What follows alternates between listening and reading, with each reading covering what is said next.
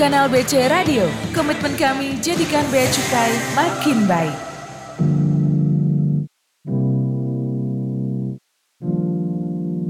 BC Radio Custom News and Entertainment Station. Selamat pagi menjelang siang sahabat BC. Selamat pagi menjelang siang sahabat BC. Baik lagi di program Insight, kurang lebih satu jam ke depan saya Cece Saya Elizabeth. bakal denger, bakal nemenin sahabat BC ngobrol-ngobrol seru ya Betul, nantinya ya. ya. Nah kalau di akhir bulan kayak gini El, ini kan eh, pendapatnya udah mulai menipis ya. Oh iya, sudah Tapi kalau pulang kantor nih akhir bulan ada yang bikin aku happy El. Apa tuh? Ada suara yang nyenengin banget kalau dia nyampe di rumah. Apa? Es krim, es Eh, krim. Bukan, bukan, bukan. Ada abang-abang yang ngantarin paket gitu. Oh, Nah, itu gitu. aku Oh, langsung. akhir bulan juga tetap bisa beli paket ya? Iya, kan aku rich tadi. Oh, Oh, iya. Malam bilangin sensitif ya kalau Iya, ngomongin beda, kekayaan beda. ya. Oke. Nah, jadi ngomongin paket nih El, biasanya kita eh, buru-buru tuh sama anakku. Itu Benar. paket aku mah, bukan itu paket Oh, iya. mama gitu. Oh berarti si adiknya udah bisa beli paket sendiri Sama-sama ya? impulsif ya. Biasanya paketnya belinya dari mana Mbak? Nah, dari dalam negeri kalau atau aku kan, luar negeri? kalau aku tuh belanja ya, Oh, biasanya tuh kalau berubah ya berubah. logatnya. Karena belanjanya tuh dari luar negeri Negeri, oh, biasanya. oke. Kok Nah. jadi ikutan ya? Pas Latah. banget ya, karena Iya, paketnya tadi dari luar negeri. Kita nih kan eh, pagi menjelang siang ini bakal Betul. ngobrolin tentang pengiriman tadi ya, barang Benar. kiriman yang dari luar, Luar- negeri. luar negeri. atau bisa juga kita bilang impor barang, kiriman. Benar. Udah pasti ngobrolnya nggak berdua doang Betul, dong ya. Kita udah langsung mengunjungi nih. Kita eh, ada di Bea Cukai betul. Pasar Baru nih sahabat BC. Betul. Jadi kita udah eh, kita yang datang ya. Benar. Kita, mendatangi ahlinya bahkan Betul. langsung datang ke sini. Langsung ya. aja kita sapa ya narasumber kita di program Insight kali ini ada Teteh Munawaroh, Teh Mumun. Iya. Selamat pagi Teh Mumun. Pagi. ceria ya. banget fresh banget. Di tengah yang apa cuaca mendung tetap Happy ya. Teh Iya. Mumun ini fungsional di PBC Pelaksana Lanjutan Bea Cukai Pos Pasar Baru. Betul. Dan Teh Mumun gak sendiri juga sahabat BC, ditemani siapa nih El? Ada Mas Budi Prastio, Iya. pelaksana pemeriksa uh, Bea Cukai Pos Pasar Baru. Halo Mas. Pagi Mas pagi, Budi ya. Mbak. Iya. Pagi sahabat-sahabat BC. Asik Iya, banget. Disapa nih sahabat BC nih. Seger banget Teh Mumun. Ya Mas Budi. Iya, Pagi- Harus dong walaupun akhir bulan tadi. Iya. Ya? Siap nih mengedukasi sahabat BC impor barang kiriman. Bener, di luar hujan ya Teh Mas ya, Ya, tapi kita tetap pengen nyeger-nyegerin sahabat BC ya Betul, tentang ngasih informasi di Insight kali ini. Nah Teh Mumun, Mas Budi, bener ya manggilnya ya? Betul, Tadi betul. kita udah bilang sama sahabat BC bakal membahas tentang impor barang kiriman ya. Jadi sebenarnya sih apa sih itu impor barang kiriman Teh Mas? Saya boleh pantun dulu nggak Oh nih? boleh Boleh banget. dong, Kita pakai handsome ya. Iya, Kita pakai cakep-cakepnya ya. Iya. Oke. Oke deh, pantun dulu ya Ah, buat boleh. sahabat BC. Waduh. Asik banget. Oh, Oke. Ayam bertelur jam 8. Cakep. Kalau mau ambil bilang induknya. Artinya. Kalau kalian cari barang kiriman ya di Bea Cukai Pasar Baru dong. Iya. Asik. Sahabat BC yang mau endorse pantun bisa kayak gitu ya. Oh iya sebelum uh, Teteh jawab nih Uh-uh. Mbak Caca, kita juga live ya di Instagram Bea Cukai RI. Jadi sahabat BC yang punya pertanyaan bisa langsung uh, taruh di kolom komentar. Nanti kita Benar. bacain pertanyaannya. Kapan lagi ya bisa Kapan nanya lagi? langsung sama Betul, narasumbernya, narasumbernya nih. nih. Tadi uh, udah ditanyakan nih Teh, apakah yang dimaksud dengan impor barang kiriman? Oh ya, barang kiriman tentunya ini eh, sudah menjadi thread eh, lok apa? Maksudnya masyarakat Indonesia itu sekarang lebih cenderung membeli barang-barang dari luar negeri sekarang ini ya. Barang kiriman itu sendiri berdasarkan PMK 199 tahun 2019 yaitu barang yang dikirim dari luar negeri melalui penyelenggara pos berdasarkan peraturan undang-undangan pos. Nah, di sini penyelenggara pos yang bisa digunakan oleh sahabat BC yaitu eh, PT Pos Indonesia dan perusahaan jasa titipan seperti itu. Jadi barang-barang yang dikirim iya, iya. dari luar negeri melalui PT Pos Indonesia ataupun perusahaan jasa titipan. Jadi ada dua pilihannya mau Iya, pakai Pos betul. Indonesia atau, Atau perusahaan, jasa, titipan. sana. Nah, Nah, eh, pertanyaan kebetulan di sini kantor Pos Bea Cukai eh Bea Cukai Pasar Baru ini kita hanya melayani PT Pos Indonesia aja. Oh, Seperti pantes. itu. Tadi saya Oh, pas eh, di jalan nih Teh, mau masuk kantor ini, wih ada kantor Oh, iya, pos terus ada bea cukai Iya, gitu. Jadi kami- emang bareng. Iya, Jadi satu gedung ya? gedung. Iya, satu gedung. Oh, kami jadi oke. satu satu gedung, kami ada di gedung ti, apa di lantai tiga untuk PT Pos Indonesia-nya ada di lantai satu Ada di untuk lantai layanannya. Oke, itu. baik-baik. Tadi Teteh udah nyinggung juga ya, El ya? Ada dua tadi, Ah, pos, ah, pos. penyelenggara pos dan perusahaan jasa titipan. Ini untuk eh, nanyanya ke Mas Budi ini. Nah, Siap. perusahaan jasa titipan ini sendiri tuh apa sih? Mungkin Ah, sahabat BC ada yang belum tahu. Oke.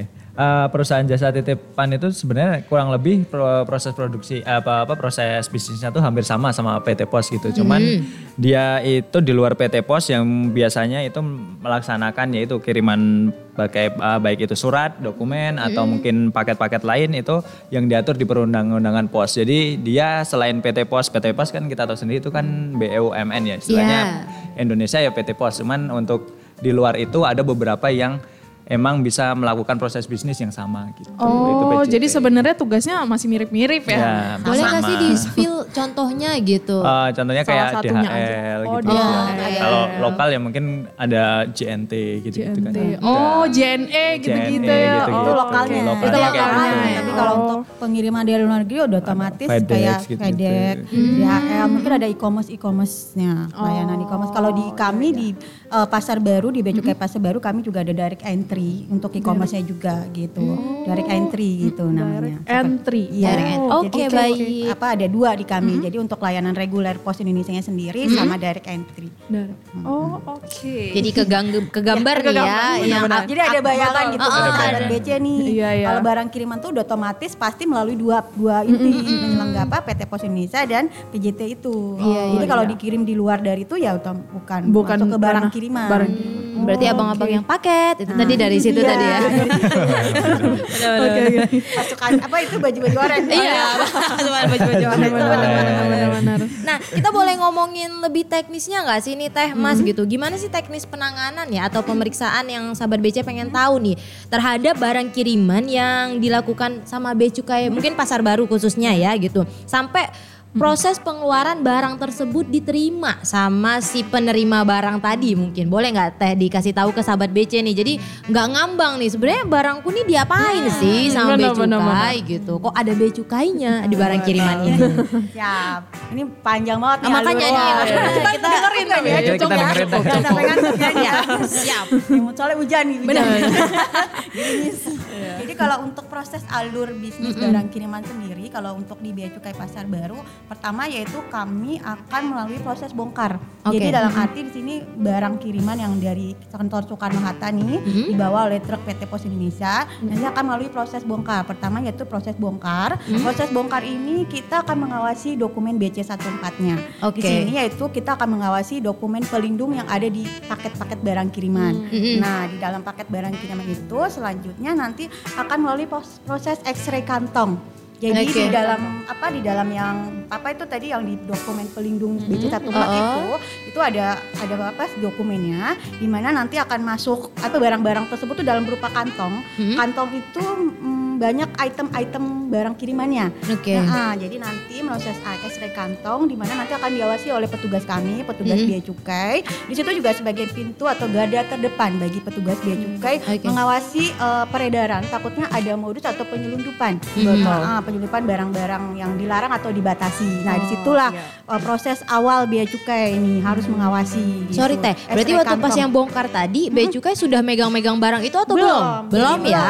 belum, Oke, proses Kami bongkar belum, itu ya. hanya melihat dokumennya saja. jadi Oke. kami petugas hanya melihat dokumen dari Mm-mm. satu empatnya, kemudian dari kantong itu akan masuk ke mesin X-ray. Oke. Ya, Mesin X-ray. mesin X-ray itu Oke. nanti petugas kami hanya mengawasi, Hmm. jadi melihat oh hanya melihat dari tampilannya Tampilan. saja, Oh, tampilan iya, layar layar X-ray-nya X-ray-nya. di situ. Oke. Apakah di situ terdapat barang-barang yang dilarang atau dibatasi? Baik. Nah, dari selanjutnya proses dari X-ray bongkar tadi, Mhm. eh X-ray kantong, Iya. kami akan langsung ke X itu penginputan data CN. Oke. Nah, Penginputan CN data itu consignee note. Nah, di sini dia dilakukan oleh petugas PT Pos Indonesia-nya. Jadi Oh, dari X-ray iya, iya. yang tadi, yang dari X-ray kantong tadi, nah nanti kan banyak tuh ada paket-paketnya, Iya, yang iya, misalkan per Oh, item, oke. per item barang kirimannya, misalkan dari negara Korea, Oke. Singapura, atau dari Denmark atau Belanda gitu nanti dipisahkan. Biasanya pelompokannya penegara ya, Teh ya? Ya, nanti kan diinput lah oleh petugas CN-nya itu oleh PT Pos Indonesia. Oh berarti yang input tadi dipertegas lagi PT Pos Iya, yang yang masih menginput PT Pos. data CN Oke. consignee note-nya itu oleh petugas PT Pos Indonesia-nya sendiri. Oke.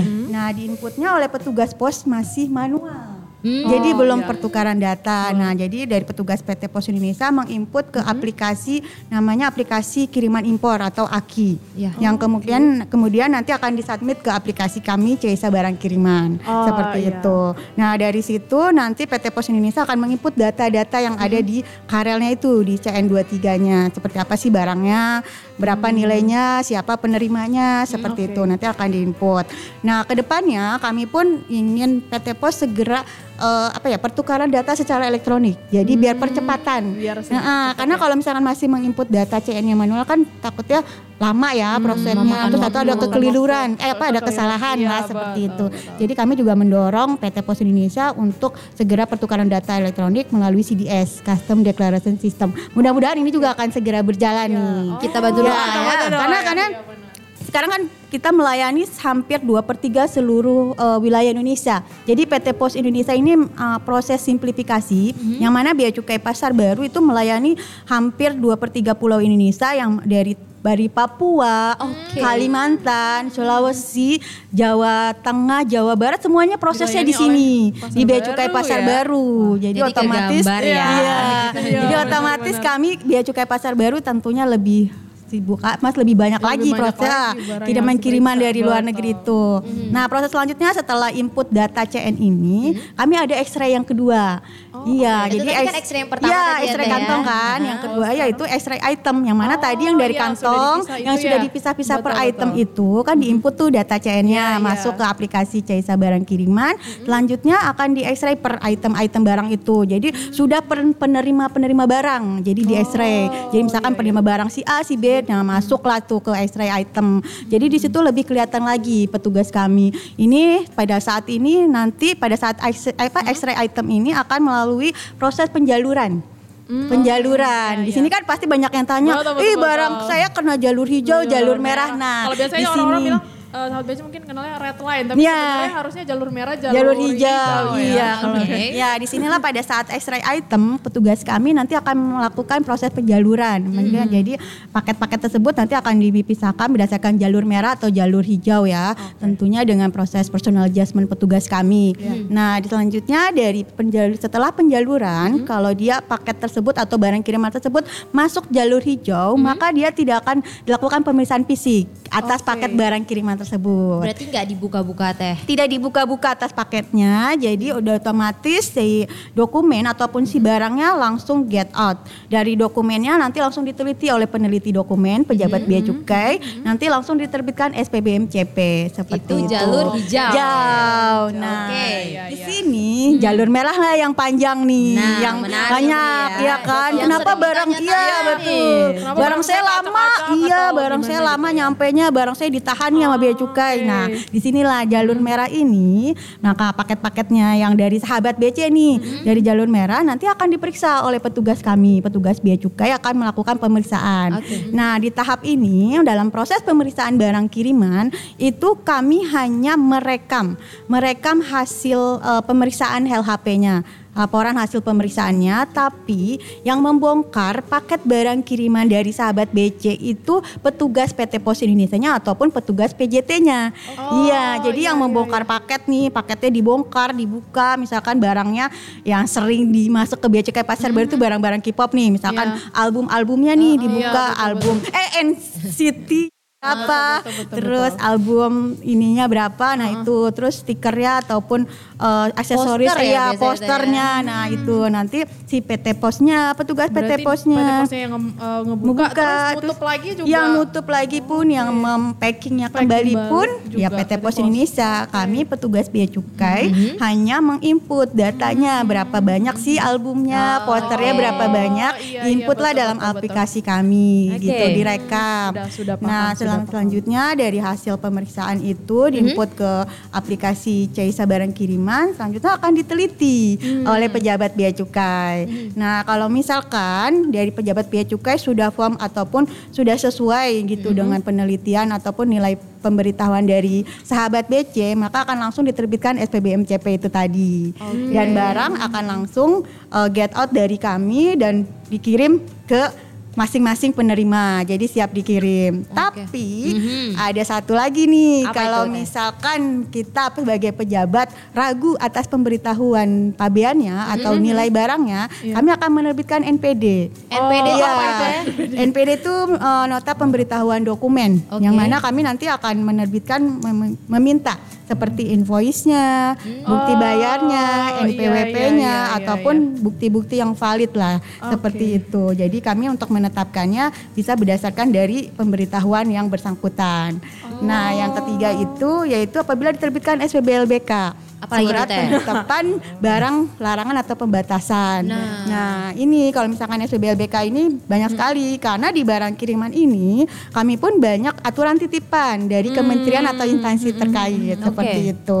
Jadi kalau misalkan dia barangnya terkena lartas, ya nanti akan kami terbitkan seperti misalnya suplemen Oh, atau obat-obatan iya, iya, nanti betul, akan betul. diterbitkan dari Balai POM seperti itu Jadi atau kalau misalnya eh, ada yang impor suplemen Ya, gitu persyaratan Persyaratan dari ya? Balai POM-nya sendiri. Oke. Itu. Terus kalau misalkan dia mengirim tumbuhan atau apa dari karantina Dari karantina seperti tumbuhan. itu. Oke. Iya, jadi kalau jalur boleh, merah tuh Iya, tapi iya. selama ada izin. Ya, selama dipenuhi Benar-benar. izinnya ya kami Bea cukai mah tidak ada masalah Iya, ya. karena itu Dikeluarkan tadi. Aturan titipan ya Iya, aturan iya, titipan benar. dari instansi terkait yang harus dipenuhi oleh sahabat BC Sahabat dulu. BC dulu, gitu. Teh, dokumen-dokumen yang diberitahukan itu dalam bentuk apa teh? Orangnya menerima Ah. pemberitahuan itu. Kami biasanya kalau untuk PT Pos sendiri, kami bisa lihat kan ya, nanti ada info pemberitahuannya lewat WA ataupun lewat SMS yang ada tertera. Jadi melalui handphonenya mereka yang didaftarkan atau yang tertera di CN23-nya.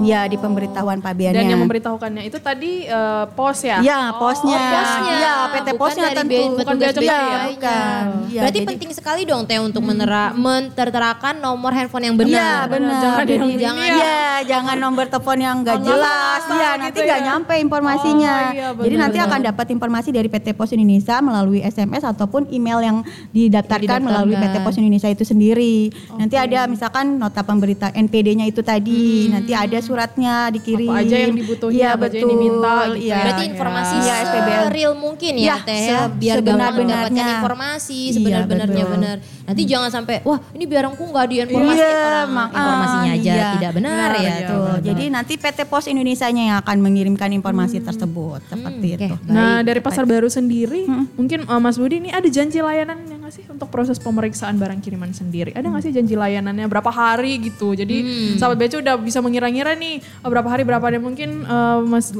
mungkin siapa nih teh apa Ah, teh ini kalau atau di Mas pasar Budi? baru dari berarti dari di submit ke kita ya dari Iya. proses X-ray sampai keluar itu 2,1 hari. 2,1 Nah, hari. layanan di kitanya itu udah selesai. Selama dokumennya lengkap. Yang tidak Dan, dan yang Tidak ada yang ini yang miss Ya, ya. tidak maksudnya dikeluarkan dari yang SPBL itu tadi. Betul betul betul. Jadi misalkan dia pemberitahuannya sudah sesuai, harga yang diberitahukannya benar, Benar. itu dua 2,1 hari. Oke. Itu maksimal ya malah bisa jadi Iya, sehari bisa. aja udah selesai iya, ya. tiga jam ya. aja langsung. Jangan betul. jadi. Nah, ya, ya itu yang penting di proses kita kan prosesnya dari mulai sebenarnya yang bisa dihitung kan dari mulai yang X-ray-nya ya. Oh, iya, X-ray betul. ya. X-ray ya.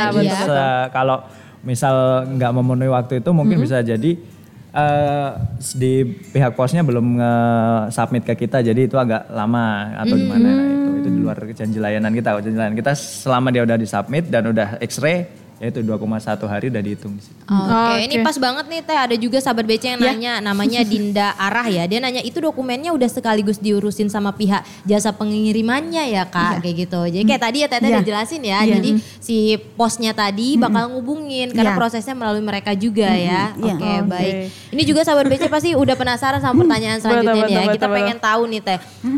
Yang sering ditanya juga nih sama sahabat BC, proses perhitungan barang Oh, kiriman itu barang tuh kiriman. pajak aku nih kok segini nih Iya, gitu. Ini sebenarnya perhitungan pajaknya seperti Kok apa? mahal banget? Iya, mahal banget ya. Kirimnya apa? Iya. Pajaknya malah lebih besar daripada Iya, barang yang betul. dikirim. Boleh nggak teh atau Mas jelasin pungutan bea masuknya atau pajaknya itu seperti apa atas barang-barang kiriman tersebut? Eh, beda- ya itu ya, memang ini jadi sering banyak case-case Paling- ya yang sering banyak. ditanyakan juga ke pe- ke kantor kami ya. Karena kenapa nih pajak saya cuma beli 300 ribu tapi pajaknya 500 ribu gitu Heeh, kan. sering juga diomelin ya Iya. Mas. Ah, ada Pasti itu kan. Nah, ya. gitu.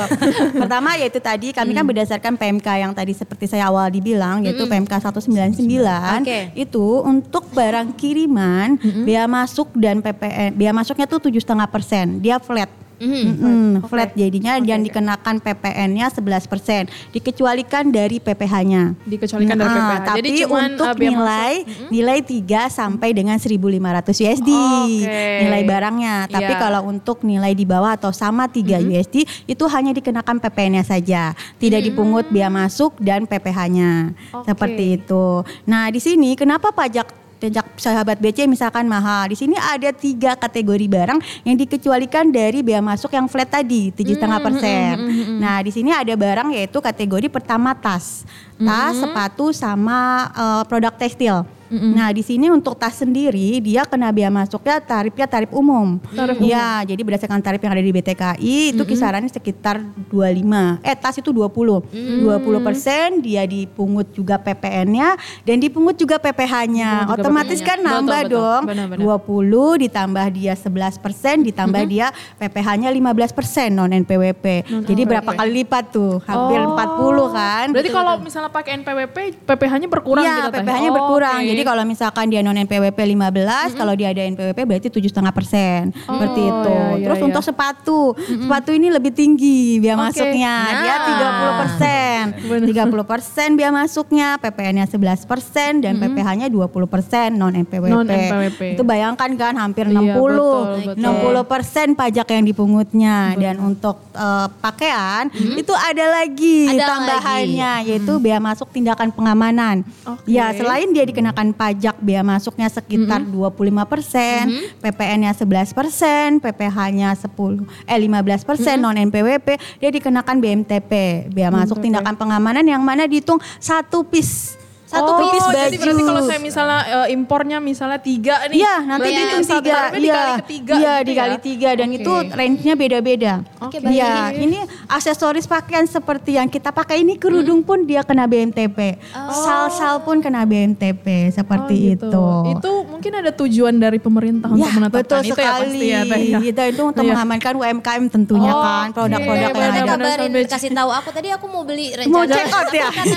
ngeliat pajak Mending beli di Iya. dalam negeri aja. Iya. Ya udah beli di, aja ya beli di. Bandung Tanah Kualitasnya Abang ya juga nggak? nggak kalah deh Iya, kayaknya. betul. Makasih ya Teh udah diinformasiin Iya ternyata. itu makanya pajaknya kenapa lebih tinggi dibandingkan yang lain gitu. Ini sahabat tiga BC ada nanya juga nih Teh di Unive ya katanya kok berarti kalau mau ngirim nggak harus pakai NPWP tapi tadi pajaknya jadi besar ya Iya, Teh tapi gitu. untuk tiga produk tadi. Untuk tiga produk tas, tadi. ya produk tekstil sama sepatu. Tapi yang tiga di luar tiga itu Tidak tidak, perlu? dipungut PPh-nya Oke. seperti itu. Tapi dia wajib melaporkan NPWP juga nggak? Eh, kalau kami sih karena memang belum ada mandatori ya untuk mewajibkan melampirkan NPWP jadi ya tidak perlu. Tapi kalau untuk kalian sudah tahu nih sahabat BC mau kirim barang tiga produk tadi ya Iya. harusnya diwajibkan untuk melampirkan NPWP, NPWP-nya gitu. tadi. Jadi biar tidak dikenakan dua kali lipat gitu benar, pajaknya. benar. terjawab ya berarti khusus untuk barang tadi Iya. lebih bagus ada Benar, NPWP-nya NPWP-nya. gitu. Nih sebelum masuk pertanyaan nih mungkin eh, Mas Budi nih ada yang nanya nih dari sahabat BC nih atas nama Dayintas KW. Nih, saya tinggal di luar negeri. Nah, saya ingin mengirimkan sesuatu untuk keluarga saya. Gimana sih caranya agar tidak terkena pajak? Eh, kalau untuk nggak terkena pajak kayaknya agak susah deh. karena, semua, karena semua yang masuk ke eh, dalam Indonesia kan dianggap barang impor dan itu Betul, betul. hadiah pun akan dianggap sebagai barang impor. Jadi atas dasar itu berarti hadiah pun akan masuk ke tadi PMK 199 sebagai barang kiriman. Jadi dia s- akan tetap dikenakan pajaknya sesuai yang dijelasin Teteh tadi. Ya kalau tarifnya flat ya biaya masuknya tujuh setengah. Ketika tarif dan PPN-nya 11. Tapi ketika masuk ke tiga kategori barang tadi ya otomatis pajaknya akan lebih besar. Jadi nggak ada apa ya nggak ada pengecualian untuk barang Betul, betul. ah, barang hadiah seperti Walaupun itu. hanya dia mau ngasih ke keluarganya Iya, mungkin betul. gitu ya. Kiranya BC seperti sama ini Iya. itu ya, Iya. ya kan gratis jadi Iya, satuannya dikeluhkan. kok malah bayar Iya, pajak. benar, benar, Karena kita benar. kembali ke Tuh. peraturan Iya, tadi iya. gitu ya. Sekali. Kembali ke pengertiannya tadi bahkan ya barang kiriman barang- adalah barang Iya, dari luar barang dari luar negeri. dikirim, betul. Jadi perlakuannya tetap sama. Tetap sama ya, meskipun dia hadiah. Hadiah ataupun ya pemberian ataupun apa ya itu. Betul. Tadi Teteh ada singgung-singgung lartas ya Teh. Iya, betul. Larangan dan pembatasan itu sebenarnya seperti apa sih Teh? Mungkin sahabat BC masih kayak maksudnya apa nih barangku kena lartas Iya, gitu. Biar Iya. ke gambar. Mas Budi atau Siapa? Boleh. Boleh, Boleh, boleh, boleh. boleh, nih jawabnya juga. Eh, Oke barang larangan dan pembatasan. Eh, kalau larangan ya jelas kalau di sini kalau di- dilarang baik keluar atau masuk baik impor atau ekspor itu kalau dilarang ya berarti emang sama sekali nggak boleh masuk. sekali nggak sama boleh sekali ya. nggak boleh. Itu biasanya eh, ada NPP, narkotika, psikotropika atau prekursor. Ada beberapa yang emang itu dilarang sama sekali. Hmm, Tapi ada beberapa yang harus rekomendasi ke BPOM. Oh, Ah, iya, iya. Itu ada Misalnya ada untuk yang bisa obat-obatan gitu. yang emang butuh resep dokter gitu-gitu. Ah, nah, itu BPOM akan ngasih rekomendasi, tapi ada beberapa kriteria yang emang itu masuk ke yang benar-benar dilarang. Nah, itu seperti itu. Nah, kalau yang pembatasan itu boleh asal ada izinnya. Nah, seperti yang Teteh bilang tadi, kita ah, kita kan banyak dititipin aturan nih dari Kementerian Perdagangan, Kepolisian, BPOM, karantina. Nah, ketika mengimpor barang terus kita SPBL ah, atau kita kasih surat penetapan barang larangan atau pembatasan. Nah, ini eh, sahabat BC bisa nih untuk meminta rekomendasi ke instansi terkait. Nah, misal barangnya itu senjata api misalnya itu itu dibatasi. Jadi nanti ketika sahabat BC datang ke kepolisian dan di kepolisian mendapat izin dari mereka, nah itu di kita bisa dirilis gitu. Oh, Oke, jadi selama bisa mendapatkan izin dari instansi terkait ya nggak ada masalah Nggak ada untuk masalah. pembatasan ya. Iya, untuk Tapi kalau untuk larangan ya Iya, larangan nggak nggak boleh. boleh gitu ya. Meskipun tadi Iya. ada, ini Iya. buat bumbu masak loh gitu. Enggak ya. Nggak Enggak bisa ya. Oke, ini, dilarang iya, ya. ini ada tambahan juga nih sahabat BC. Jadi untuk barang-barang yang dibatasi mungkin yang belum tahu, kita tuh yang dibatasi seperti untuk suplemen. Suplemen itu kita ada Oh, iya, dibatasi benar, dari Balai POM itu hanya boleh 5 5 piece. Lima piece. Lima Lima piece. piece per, per pengiriman per item per jenis suplemen, tapi kalau untuk obat itu harus dilengkapi dengan resep dokter. Nah, yang kedua yaitu kita ada produk HKT, handphone, komputer, tablet, dan genggam itu hanya boleh dua piece. Oh dua piece dua piece aja.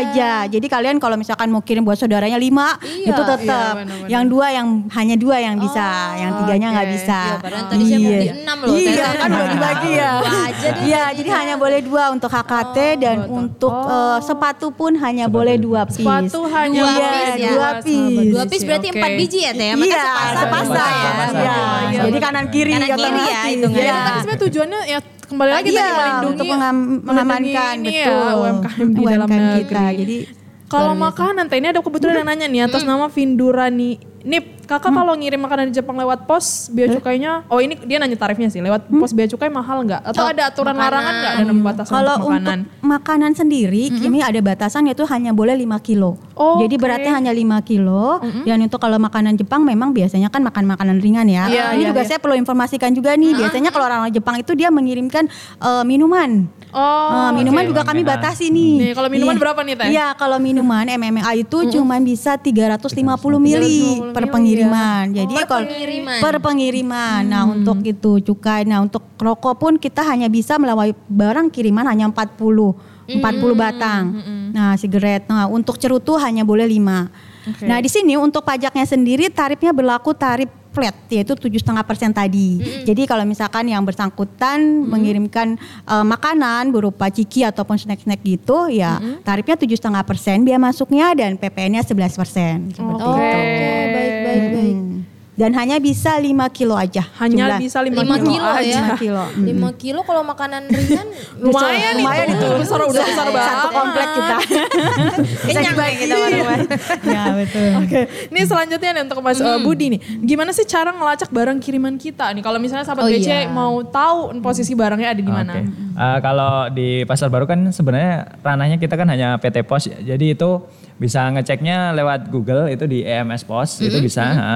di Oh, oke. emsposindonesia.co.id EMS atau lewat bea cukai beacukai.go.id garis miring Oh, barang yang kiriman. Nah kiriman. itu juga bisa. bisa dilacak di ya, situ. bisa dilacak di dua itu. Dan kalau di MS itu dia biasanya kalau ada biasanya ditahan atau ada di perlu konfirmasi di custom itu kan ada keterangannya tuh. Iya. Nah itu di linknya itu bisa diklik. Nah nanti bisa muncul tuh SPBL atau NPD-nya di situ. Oh, jadi kita Jadi bisa notifikasinya. informasi Iya, juga iya. dari pelacakan tersebut. Oh, baik baik baik. Jadi semuanya sudah tertera secara sistem. ini ya, transparan di Iya, sana ya, tinggal iya. dicek. ya. Tinggal kitanya pintar-pintar aja cari.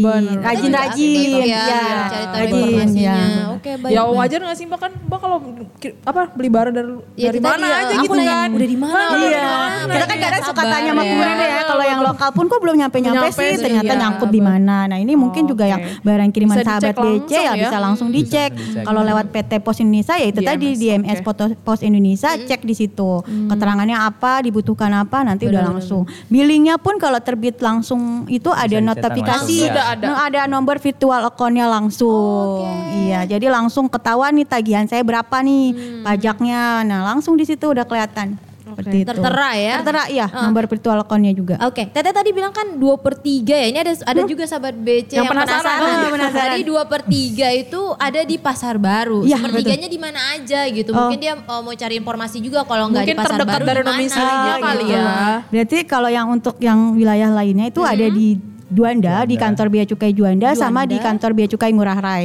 Jadi untuk Jawa Timur, wilayah Jawa Timur, Kalimantan tuh masih ada di kawasan eh masih di wilayah Bea Cukai Juanda sama Denpasar, Bali itu di Ngurah Rai. Oh, Jadi iya, selebihnya kota-kota yang ada di Indonesia seperti tadi saya bilang, Papua, Makassar, eh, Jawa Barat, Sukabumi, Bandung itu semuanya sudah di kami semua proses pengeluaran barangnya SPPB-nya seperti itu. Tuh, berarti uh, ada juga di kota lain tapi memang banyaknya di sini ya. Iya, betul sekali. ya Mas Budi ya. Teteh ya. Sabar-sabar ya, semangat gitu. Iya, tapi Barangnya ya. untuk sahabat BC Iya, mah untuk sahabat kita BC total lah. Ini untuk yang bekerja. masuk pertanyaannya agak banyak nih. Oh, Jadi boleh, boleh. ya, Semangat Iya, ya. betul. Iya. Jawabinnya juga semangat. Iya, masih nyambung dengan barang larang dan pembatasan tadi. Mungkin Mas iya. Budi ini ada ada pertanyaan dari eh, satu akun yang sama yaitu dari Nikola, Nikolaus 15. Kalau baju batasannya berapa ya? Ini saya baca yang pertama dulu. Kalau baju ada nggak sih batasannya? Kalau impor tadi ya, baju. Jelasin. Teteh bilang tadi berapa? 5 ya? Per Eh, pieces berapa? tadi per pieces yang berapa tadi? Oh, kalau enggak ini Bukan, jadi. BMTP-nya. Oh, BMTP-nya. Ya, jadi Oke. BMTP-nya dihitung per satu piece. Oh, Nah, iya. Satu piece itu misalkan paling besar itu di rent 60 ribu. 60.000. Oh, pajaknya, iya, eh. BMTP-nya nilainya. Jadi kalau misalkan untuk biasanya itu untuk jaket atau hoodie itu 60 ribu, tapi kalau untuk kemeja itu di kisar 35 ribu. Hmm, yang paling murah itu BMTP-nya baju anak.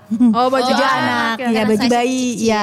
Tapi kalau untuk batasannya, kami karena itu masih post border, Iya. jadi eh, untuk pembatasannya untuk di kami ya belum belum ada pembatasannya kalau untuk lewat barang kiriman. Jadi masih post border yang mana dibatasi atau diawasi oleh kementerian terkait. Kementerian nah, terkait. jadi kalau kalau udah border baru bea cukai nanti yang akan membatasi gitu. Karena ini masih masuk post border ya? Iya, karena di BTK-nya atau di NSW-nya pun untuk produk tekstil itu masih post border. Jadi Oh, iya, dikembalikan ke uh, instansi terkait Instansi yang terkait. akan Oke. mengawasinya seperti Oh, itu. iya. Oke, Ah, baik, dan baik. tambahan dikit kalau untuk yang berarti untuk baju itu berarti nanti peredaran untuk post bordernya itu berarti ke kementerian terkaitnya ya Kementerian Perdagangan. Kementerian Hmm, Perdagangan. Kementerian Oke. Perdagangan. Kami hanya sebatas memungut ya masuknya, P- Oh, PPN, iya, iya. PDRI-nya dan BMTP-nya. Makanya kan tinggi. Iya, itu benar. tadi. Karena ada Jadi empat ya, ada iya, lumayan tarif. kan. Iya, Beli baju 100 ribu, pajaknya 200 ribu. Nah, tapi kan mereknya Iya. dari luar loh. kalau posting kan Iya, kalau posting kan langsung mereknya. Masih ngomongin baju nih ya Teh Mas Budi ya. Ini banyak juga sahabat BC yang penasaran. Kalau pengen ngirim baju tapi nggak baru nih Teh. Dari kan saudara di luar Iya, negeri gitu. Pengen kirim-kirim sedekah baju-baju yang udah nggak dipakai. Boleh nggak sih kalau yang sudah pernah dipakai atau Dalam tidak kondisi baru? bekas gitu Dalam ya? kondisi Ah, bekas iya, itu betul. gimana? Mungkin Mas Budi. Kalau dalam kondisi bekas seperti tadi Tete juga bilang itu selama ada rekomendasi dari kementerian terkait untuk bisa ngerilis ya kita akan rilis karena itu aturannya jadi aturan titipan dari Kementerian Perdagangan juga. Ketika baju bekas kan masuk ke 6309 dan di situ udah jelas baju bekas itu masuk ke SPBL. Jadi larangan dan pembatasan. Jadi uh, nanti rujukannya tetap ke Kementerian terkait. Jadi untuk izin keluarnya itu ke kementerian terkait. Selama di, di sana tidak memperbolehkan ya kita tidak bisa berbuat apa-apa. Oke. Berarti bea cukai mah nunggu izinnya Iya, aja iya, nih. betul. Misalnya Gitu. boleh, boleh aja Jadi kalau ya. marah-marah ke bea cukai Iya. juga ya sayang tenaga. Iya, betul banget, iya. Jadi tanya dulu Ke perizinannya instansi tadi, ke instansi terkait. Kalau sudah boleh tinggal datang bea cukai mah monggo ya. Benar. Oke, sahabat Ini berlaku juga buat semua barang bekas ya. Jadi tidak hanya pakaian atau apa pun. Kalau misalkan dikirim dalam kondisi bukan baru, Iya, ya kami tentunya akan menerbitkan SPBL tadi. Hmm. Jadi eh, sahabat BC tentunya akan menerima surat cinta dari iya, betul, kami. betul. Jadi silakan Iya, iya. mengurus dulu izin-izinnya karena di sini juga sudah diatur ya Hmm. terkait barang apa barang impor itu harus kondisi baru yaitu berdasarkan Undang-Undang Republik Indonesia nih nomor 11 tahun 2020. Hmm. Di sini setiap importir wajib mengimpor barang dalam keadaan baru. Jadi Ah. semuanya sudah diatur dari undang-undang. Undang-undang itu sudah payung hukum yang paling tinggi. Hmm. Jadi ini perlu diketahui oleh sahabat BC, eh, Bea Cukai pun eh, melaksanakan aturan ini seperti itu. oke. Kita Jadi- sudah undang-undang ini udah aturan yang paling betul. tinggi ya. di Iya, sini iya, jelas benar, sekali. benar, benar, Di benar. kondisinya tuh harus baru. Harus Jadi baru. bukan kami pengen Oh, yang ditegak gitu iya, pengen di ini nanti Ambil-ambilin dijual atau gitu diambil ya. atau enggak ya enggak ada memang aturannya seperti, Seperti ini itu, gitu. oke. Jadi apa pun kalau dikirim dalam kondisi bekas ya no. No, gitu. iya, benar-benar. Itu. Oke. Ini menyambung nih kata ada lagi nih pertanyaannya dari Nicholas 15 tadi. Iya. Ini bisa di mana di, dilihat di mana sih tentang pembatasan eh Pembatasan. aturan Nyari jumlah pembatasan tuh bisa dilihat di Ya, mana sih? yang barang-barang apa aja yang Dia, uh, dibatasin. uh, boleh ngecek di mana? ah, itu bisa di uh, portalnya LNS, LNSW ya. Oke, LNSW. oh Iya, portal NSW. Iya NSW itu International National Single Window. Single Single window. Oh, di situ kelihatan. Sekitar- sekarang di situ. Di situ. Berarti nanti tinggal di input uh, jenis barangnya Iya, kali ya? iya tinggal kalian searching jenis barangnya misalkan produk eh, seperti tadi obat ataupun kosmetik gitu ataupun handphone. Nah, itu bisa langsung muncul dari kementerian mana tuh nanti apakah dia post border atau border gitu. Kalau post border itu udah otomatis dikembalikan ke instansi terkaitnya atau kementerian. Tapi kalau border udah otomatis nanti bea cukai nih sebagai garda terdepan yang akan mengawasi ataupun menegahnya seperti itu. Oke, kalau tadi kita ngomongin barang bekas nih teh, ini juga eh, yang sering kita denger ya. Iya, ini ngomongin HKT nih teh, Oh, ya. HKT. Ayo. ini seru nih, seru, Seru nih. nih, seru. Handphone, komputer genggam dan tablet Tablet, yang ma- yang dikirim dari luar negeri. Ujung-ujungnya adalah email. Ya. ini, ini menarik nih tentang email teh. Banyak sahabat BC yang pengen tahu kalau kita impor barang kiriman berupa HKT tadi ya, handphone, komputer genggam dan tablet itu pendaftaran emailnya seperti apa teh? Sudah didaftarkan kah atau kita manual sendiri kah? Bagaimana? Teteh atau Mas Budi monggo. Eh, kalau ini nanti saya ngejelasin yang barangnya dibawa, kalau Oke. teteh yang barang kiriman ya. Karena Oh, nanti beda ya, beda itu mekanismenya ya, Kalau di oke. pasar baru tuh ada dua, ada dua mekanisme untuk pendaftaran email ya. Jadi dari barang penumpang atau dari barang kiriman. Kalau dari barang penumpang itu di pasar baru eh, treatmentnya akan sedikit beda dengan di Soekarno Hatta di bandara dia datang. Kalau di bandara dia datang itu dia masih dapat pembebasan, hak pembebasan 500 USD per orang ya Oke. sebagai barang penumpang. Tapi kalau dari pasar baru itu udah dianggap dia telat lapor. Mm-mm, jadi di sini uh, pembayaran pajaknya akan full, jadi nggak ada lagi pemotongan Nggak 500 ada yang ya, 500 dolar USD tadi itu. ya. Nah, yang pertama yang harus sahabat BC lakuin adalah registrasi melalui website Bea Cukai dulu. Nanti cari aja di Google itu registrasi email Bea Cukai. Nah, nanti akan diarahkan ke web situ. Nah, di web itu nanti sahabat BC masukin emailnya, masukin paspornya, tiket, boarding passnya, terus NPWP kalau ada dan masukin email serta jenis HP-nya apa dan juga nilai barangnya berapa. Nah, itu nanti setelah itu produknya akan semacam barcode gitu. Nah, barcode ini yang dibawa ke kita, yang dibawa ke Bea Cukai Pasar Baru. Ke Bea Cukai Pasar Baru. Nah, oke. nanti ketika datang ke sini di Bea Cukai Pasar Baru yang pertama akan melakukan verifikasi adalah di depan yaitu di layanan front desk atau Oke. di LI ya di LI ini kita akan meneliti dulu me- ngecek udah ada barcode-nya belum. Nah, ketika udah ada barcode-nya berarti kita yang dibutuhkan adalah tiket aslinya, paspor aslinya, terus NPWP asli dan juga HKT yang mau didaftarkan. Itu wajib dibawa dibawa. ya, wajib Oh, dibawa. Nanti karena pas kita masuk ke peneliti dokumen sebagai yang nanti mutus nilai pabeannya berapa, itu emang harus ngecek langsung dari Ngecek perangkatnya. si perangkatnya ya. Mm. Oke. Jadi itu harus wajib dibawa. Setelah itu kita akan masuk ke teman-teman PDTT nih, teman PDTT yang akan menetapkan nanti nilai pajaknya berapa. nah, gitu. iya, nanti iya, iya, iya. dari barcode itu dan semua apa semua persyaratan tadi dibawa aslinya itu nanti baru masuk ke rekan-rekan PDTT di dalam. Nah, pas di dalam nanti teman-teman PDT akan uh, scan barcode-nya atau kita akan input barcode-nya itu ke sistem. Nah, di sistem itu nanti ada referensi harganya. Jadi emang referensi harga eh, apa ya pasaran di sini. Jadi kita nggak akan mengada-ada ini dimahalin Oh, atau iya, dimurahin benar-benar itu. Nah, Jadi emang gitu benar-benar ada referensi harga Oke. di pendaftaran emailnya itu. Nah, nanti dari situ produknya itu s- billing. Nah, diterbitkan billing berdasarkan penetapan nilai pabeannya tadi, terbit billing itu udah eh, paling cepat setelah dibayar billing itu Ya? satu jam. Satu Satu jam jam. langsung bisa aktif. Jadi nanti billingnya itu dibayar satu jam itu langsung bisa aktif. Tapi paling lama dua kali 24 jam. Dua kali 24 jam. Nah, misal dua kali 24 jam belum aktif juga, nanti bisa hubungi ke 021 159. Ya, itu Oh, Kominfo.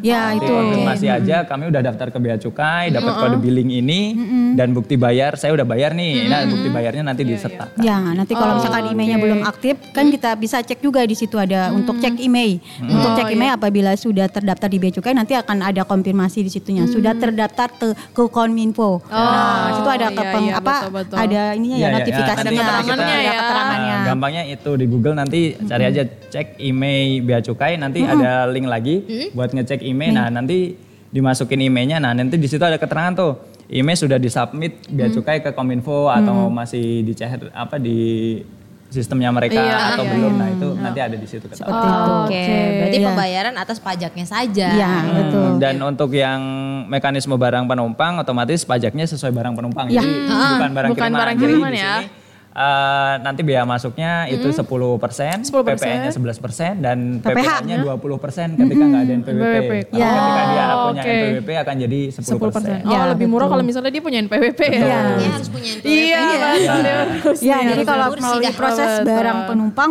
ya itu tadi pasti pajaknya lebih mahal. Benar. Tap- Tapi kalau untuk barang kiriman itu perlakuannya juga sama seperti barang kiriman lainnya. Jadi prosedurnya seperti tadi dia masuk penjaluran dulu. Kalau handphone udah jelas ya tertera di X-ray-nya udah mat- otomatis kita harus masukkan ke jalur merah. Oke. Nah, ah, kalau barang kiriman itu berarti nanti dia jalur merah, nanti akan dilakukan pemeriksaan fisik oleh petugas. Nah, nanti si handphonenya kita cek, kita buka oleh petugas. Di situ kita cek di device-nya eh, nom- apa nomor emailnya berapa. Nanti dimasukkanlah oleh petugas bea cukai ke aplikasinya. Aplikasi C barang kirimannya nanti di-input nomor emailnya berapa. Kalau email itu terteranya sangat sangat spesifik ya. Iya, dia hanya 15 digit. Mm-mm. Jadi kalau misalkan dia kurang pun nanti di sistemnya ada alert. Jadi Langsung ada peringatan. nggak bisa ya, ya? nggak bisa kalau Iya. misalnya cuma 14 Iya, iya, ataupun iya. ya ataupun punya emailnya nggak valid itu udah langsung otomatis ada alertnya ada merah pemberitahuan. Jadi merah atau merah lah pokoknya di situ ada itunya. Jadi otomatis email itu memang spesifik ya, nah angkanya seperti itu. Jadi untuk email lewat barang kiriman yaitu tadi jalur merah diperiksa, nanti dimasukkan emailnya, nanti diteliti harganya berapa, nanti ditetapkan oleh PDTT gitu. Oke. Terbit billingnya tadi dibayarkan, nah satu jam paling cepat emailnya bisa aktif dan dua hari paling lama emailnya untuk bisa aktif seperti itu. Tapi kalau untuk barang kiriman itu tidak boleh bekas handphonenya. Balik lagi Hanya peraturan ya. Iya, cuman bea masuknya dipungutnya hanya tujuh setengah persen di PPN. Tapi kalau untuk di barang penumpang itu dia tidak, maksudnya kalau pajaknya lebih mahal, tapi dia bisa kalau misalkan barang yang pernah Bukan apa baru. handphone yang bukan barunya, Ah, iya, misalkan itu boleh ya, bawa ya. dari dia misalkan bekas dipakai dari sana atau dia dikasih dari saudaranya habis jalan-jalan dari luar negeri, nah itu boleh. Itu kalau barang penumpang, Penumpang. seperti itu. Cuman ya itu tadi kita tidak kalau mendaftarkan di Bea Cukai Pasar Baru tidak mendapatkan 500 USD-nya ada sebagai hak pembebasan. barang penumpangnya itu tadi dan pajaknya pun lebih mahal. Oke, berarti Ada kita plus bold ya, minus, tidak nah. boleh barang ki- handphone kiriman itu tidak boleh bekas. Bekas ya. Di sini Dan saya mau menegaskan sih ya. Jadi kalau untuk pendaftaran IMEI itu hanya bisa di kantor pabean atau kantor bea cukai. Jadi kalau misalkan mau daftar IMEI itu ya kalau misalkan sini daftar IMEI ke saya itu no, hanya bisa di kantor bea cukai Saja. secara ini Untuk dan dari harus luar- dibawa dari ya. luar negeri ya, Ya, Teh? dari luar negeri dan itu pun harus dibawa handphonenya seperti itu. Bayar nggak sih teh mas ngurus email itu? Kan sekarang banyak tuh di luar. Eh sini urus email sama aku. Iya, Tiga juta, tiga juta gitu kan. Mengurus emailnya sih Nah, tidak bayar. tidak Ta- bayar. Tapi untuk mendapatkan registrasi emailnya nih ke bea cukai nanti terbit billing. Nah itu Billingnya bayar. billingnya itu harus dibayarkan. Oh, Nah oke. dibayarkannya pun bukan ke rekening bea cukai tapi ke rekening negara Negara, ataupun rekening negara. rekening pribadi nih misalnya Iya, gitu. No, itu harus namanya. Mas Budi mungkin ya, Iya, mungkin ya. itu tidak nggak jelas. Sini Iya. bayar email ke Iya. rekening namanya Mas Budi gitu itu udah pasti enggak ya. Enggak. Itu pasti itu enggak udah ya otomatis kalau udah billing itu virtual account-nya langsung menuju ke rekening negara. Jadi untuk email ini sebetulnya praktis banget loh untuk pembayarannya. Makanya kasta- ya pengguna-pengguna jasa di sini sering banget yang mendaftarkan email mereka ya sudah mereka punya m banking langsung kami terbitkan billingnya mereka langsung bu gimana caranya langsung mereka ada m bankingnya di situ ada pembayaran pajak Oke. pembayaran pajak terus itu ada eh, bea cukai pajak bea, bea pajak atau cukai masukkanlah kode virtual account-nya nanti langsung sesuai di situ dilihat ya nominalnya harus sesuai dengan yang diterbitkan Diterbitkan, Iya, ya. jadi Kalau lebih misalkan- ya jangan dibayar. Iya, misalkan lebih misalkan nggak sesuai sedekah nih ya. iya Iya, tapi kalau misalkan sedekah di kalau billingnya di, di billingnya satu juta tapi kok pas saya mau bayar pajaknya kok cuma 900 nah iya. itu ada yang miss jangan Oh, dibayarkan jangan jadi dibayar ya. harus Oh, sesuai oke, betul harus sesuai benar, dengan yang ada di billing yang. Diterbitkan bea cukai dengan yang kita bayar di m bankingnya sendiri seperti itu Ternyata mudah ya. Iya, mudah Ini penasaran nih tentang email uh, satu pertanyaan lagi nih mungkin. Boleh. Eh, sebelum kita baca pertanyaan dari netizen ya, Iya, yang cukup banyak. Sahabat BC. sahabat BC dong. sahabat BC nih. Eh, Tersinggung nih saya. Ini ya. ya, Eh, ada nggak sih teh? Maksudnya di- harus diberitahukan sebagai handphone, komputer genggam dan tablet nggak ketika menyampaikan ke bea cukai untuk barang kiriman? Atau sebenarnya nggak apa-apa walaupun uraian barangnya tidak ada, masalah nggak sih gitu? Harusnya sih se- sesuai ya, karena nanti eh, ke- istilahnya gini, Iya. takutnya di kita kan by system ya, Iya. maksudnya nanti di sistem kita kan namanya penampakan X-ray kan namanya banyak, Iya. takutnya nanti kelewat. Oh. Nah, kelewat kalau Oke. tidak pemberitahuan karena kalau untuk ha- apa untuk handphone itu Gadget-gadget untuk HQ, itu ya. HS code-nya juga sudah eh, spesifik ya di Ah, 51 di HS. di 517. Nah, itu Oh, jadi iya, harus sama. Jadi si PJT ataupun pos Hmm? itu kalau sudah pemberitahuannya handphone otomatis mereka akan alertnya atau pemberitahuannya sudah pasti masuk jalur merah. Jalur merah. Mm-mm, Oke. Dari kami pun Karena sudah tadi mau diperiksa itu Iya, tadi jadi itu kalau ya. misalkan dari sahabat BC tidak memberitahukan benar asal paketnya, nama Oh, paketnya, iya, betul. barangnya bukan handphone ya nanti resiko ditanggung. Betul. Ditanggung Ah, sendiri sahabat ya. BC. Sayang ya, iya, sahabat kenapa BC tidak ya. memberitahukan yang Barang benar atas barangnya Oke. gitu. Kalau misalkan dari awal sudah ketahuan nih saya eh, handphone gitu kan, terus emailnya tertera, ininya ini ya sudah itu kan berarti kita lakukan sesuai prosedur kita gitu. Sesuai prosedur lancar. Iya, ya. lancar. Cepat, Betul. cepat ya. Nah ini berarti menjawab pertanyaan dari eh, Kak MSR Rap nih. Ada nih yang dia tanya tadi misalnya yang dikirim handphonenya emailnya gimana. Tadi udah dijawab ya dengan Udah, lengkap udah dan detail. ya. Ini ada nih pertanyaan kedua dari Kak Lestari BKL. Mau tanya Kak cangkang kerang gimana? Apa apakah bisa dikirim nih? katanya? cangkang. Ah, cangkang kerang. Ah, kalau bisa dikirim bisa dikirim, tapi nanti ketika HS code-nya itu butuh perizinan dari karantina ya, itu berarti Iya. kan karantina hewan atau perikanan ya. Nah, itu kita tetap butuh rekomendasi dari mereka Oh, untuk rilisnya ya. Iya. Oh, Karena itu termasuk harus mendapatkan izin. Jadi border. Oh, Jadi kita ada titipan aturan untuk kayak eh, barang-barang yang eh, apa ya? Itu kan sejenis hew apa ya? Ya, Karang kayak- itu hewan Iya, ya. iya, iya, Ah, ah, ikan lah ya. Itu berarti harus dari karantina perikanannya. Tetap ada Mm, izinnya, izinnya, ya. Seperti ada izinnya boleh. Boleh, iya. Oh, berarti sama nih kayak pertanyaan ada Chef Nino Andre nih, dia nanya juga nih Teh Mas, Kak ngurus alat olahraga untuk PON 2008, 2028 kondisinya bekas, ngurusnya gimana gitu. Itu gimana Teh Mas?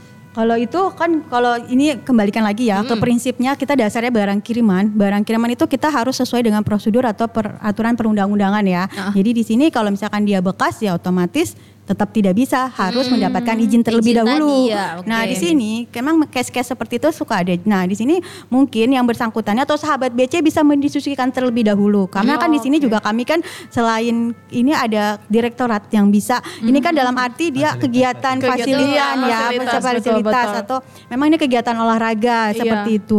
Mungkin ini bisa sahabat BC mintakan dulu atau pendapat ke fasilitas ke direktorat fasilitas yang Oke, mana oke, ini oke. kami biar didapatkan izinnya ataupun eh, syaratnya. Kalau misalkan sudah mendapatkan izin ataupun persetujuan dari eh, direktorat fasilitas kalau barang ini memang untuk tujuan olahraga untuk pon seperti apa ya kami bisa lakukan mengeluarkannya seperti itu dikecualikan seperti itu. Berarti tinggal didiskusikan, Didiskusikan, lagi ya. Timnya pasti ada pengurusanya Iya, ya, dari iya. timnya untuk penyelenggaraan Karena kan itu seperti untuk itu. kegiatan olahraga Kegiatan ya olahraga seperti itu. pasti.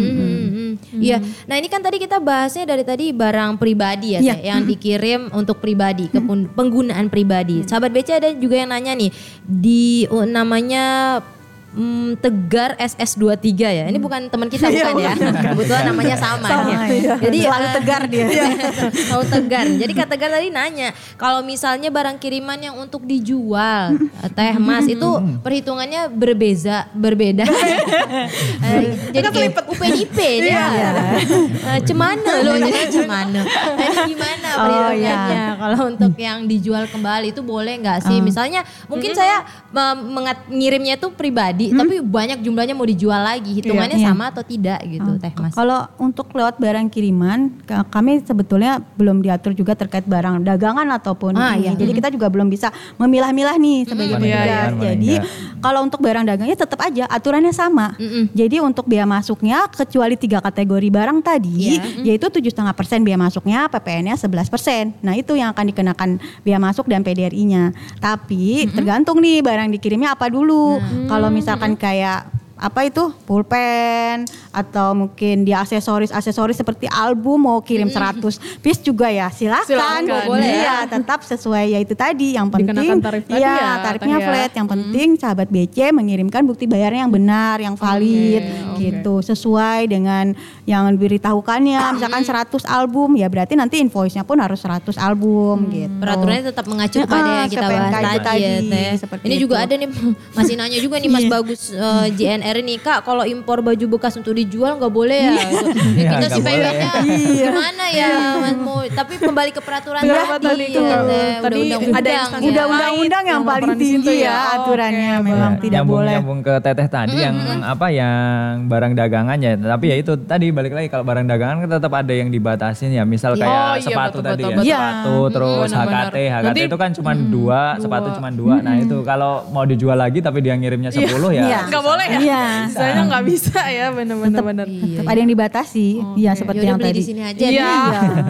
Bener-bener. Kok jadi marah ya? Mau ngire ya, sabar, sabar. Sabar ya, santuy. Oke, teh kalau eh, Mas Budi, eh, teh Mumun nih, kan marak juga ya teh belakangan ini ada yang ngelaporin eh, penipuan gitu teh. Ada nggak kasus-kasus penipuan yang mungkin sahabat BC pernah lapor juga ke kantor pos Bea Cukai mengatasnamakan Bea Cukai itu penipuan seperti apa aja sih teh? Biar sahabat BC ngeh nih ada Ah, yang iya. mana penipuan, yang mana enggak gitu. Biasanya kalau uh, kebanyakan penipuan tuh uh, teman-teman udah panik duluan ya ketika dapat telepon dari uh, nomor asing atau nomor yang orang tidak dikenal terus dia mengatasnamakan bea cukai atau misal sahabat BC dia mengatasnamakan uh, si posnya atau PT posnya gitu Uh, minta oh ini barangnya kalau nggak segera ditransfer dalam jumlah segini nanti barangnya ditahan dan kalau nggak ditebus nanti akan kita cari atau akan ditangkap karena ini barangnya misal apa gitu nah, dilarang atau gimana gitu. Nah, jadi dia udah takut duluan Panik ketika ya. dapat telepon kayak gitu. Jadi eh, kadang mereka lupa untuk ya tadi kita kan bisa nge-tracking atau bisa konfirmasi sebenarnya kalau Oh, apalagi iya, kalau ternyata sebenarnya kita nggak ngirim apa-apa. ngirim Betul, apa-apa tapi betul. dapat telepon kayak gitu kan.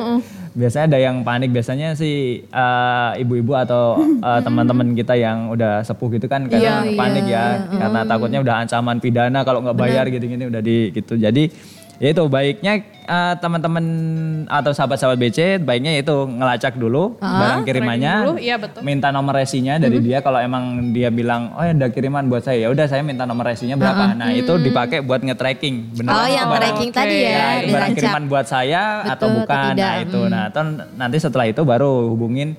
Di misal dia masuknya dari Jakarta ya hubungin eh, call center atau eh, ini teman-teman di apa istilahnya eh, call center kita di Berapa Bea Cukai ya? Bea Cukai itu nah, buat nanya jadi jangan panik dulu yang penting Jangan itu sih intinya Benar, Konfirmasi Jangan dulu. panik. Iya, Iya, konfirmasi benar. dan jangan langsung transfer. Iya, Nah, jangan itu yang penting. Iya, dan transfer ke rekening pribadi itu udah jelas. pribadi Iya. lagi ya teh. Ujuk-ujuk kan Udah takut iya. penjara tadi Iya. langsung transfer Nah, gitu ya. itu, Jadi sahabat panik. BC penting banget ini informasikan untuk saudaranya Iya, siapa pun kerabatnya, ya. Teman-temannya. teman-teman lingkungan kita Iya. tuh kadang panik duluan, nggak mau cerita, tiba-tiba Iya. transfer. Biasanya kalau udah transfer baru cerita ya baru cerita. Sering Iya, banget. Bang, makanya. keluarga saya juga gitu saya Iya. sedih ya. Saya kayak juga gitu. ada teman saya yang curhat Iya. kayak gitu.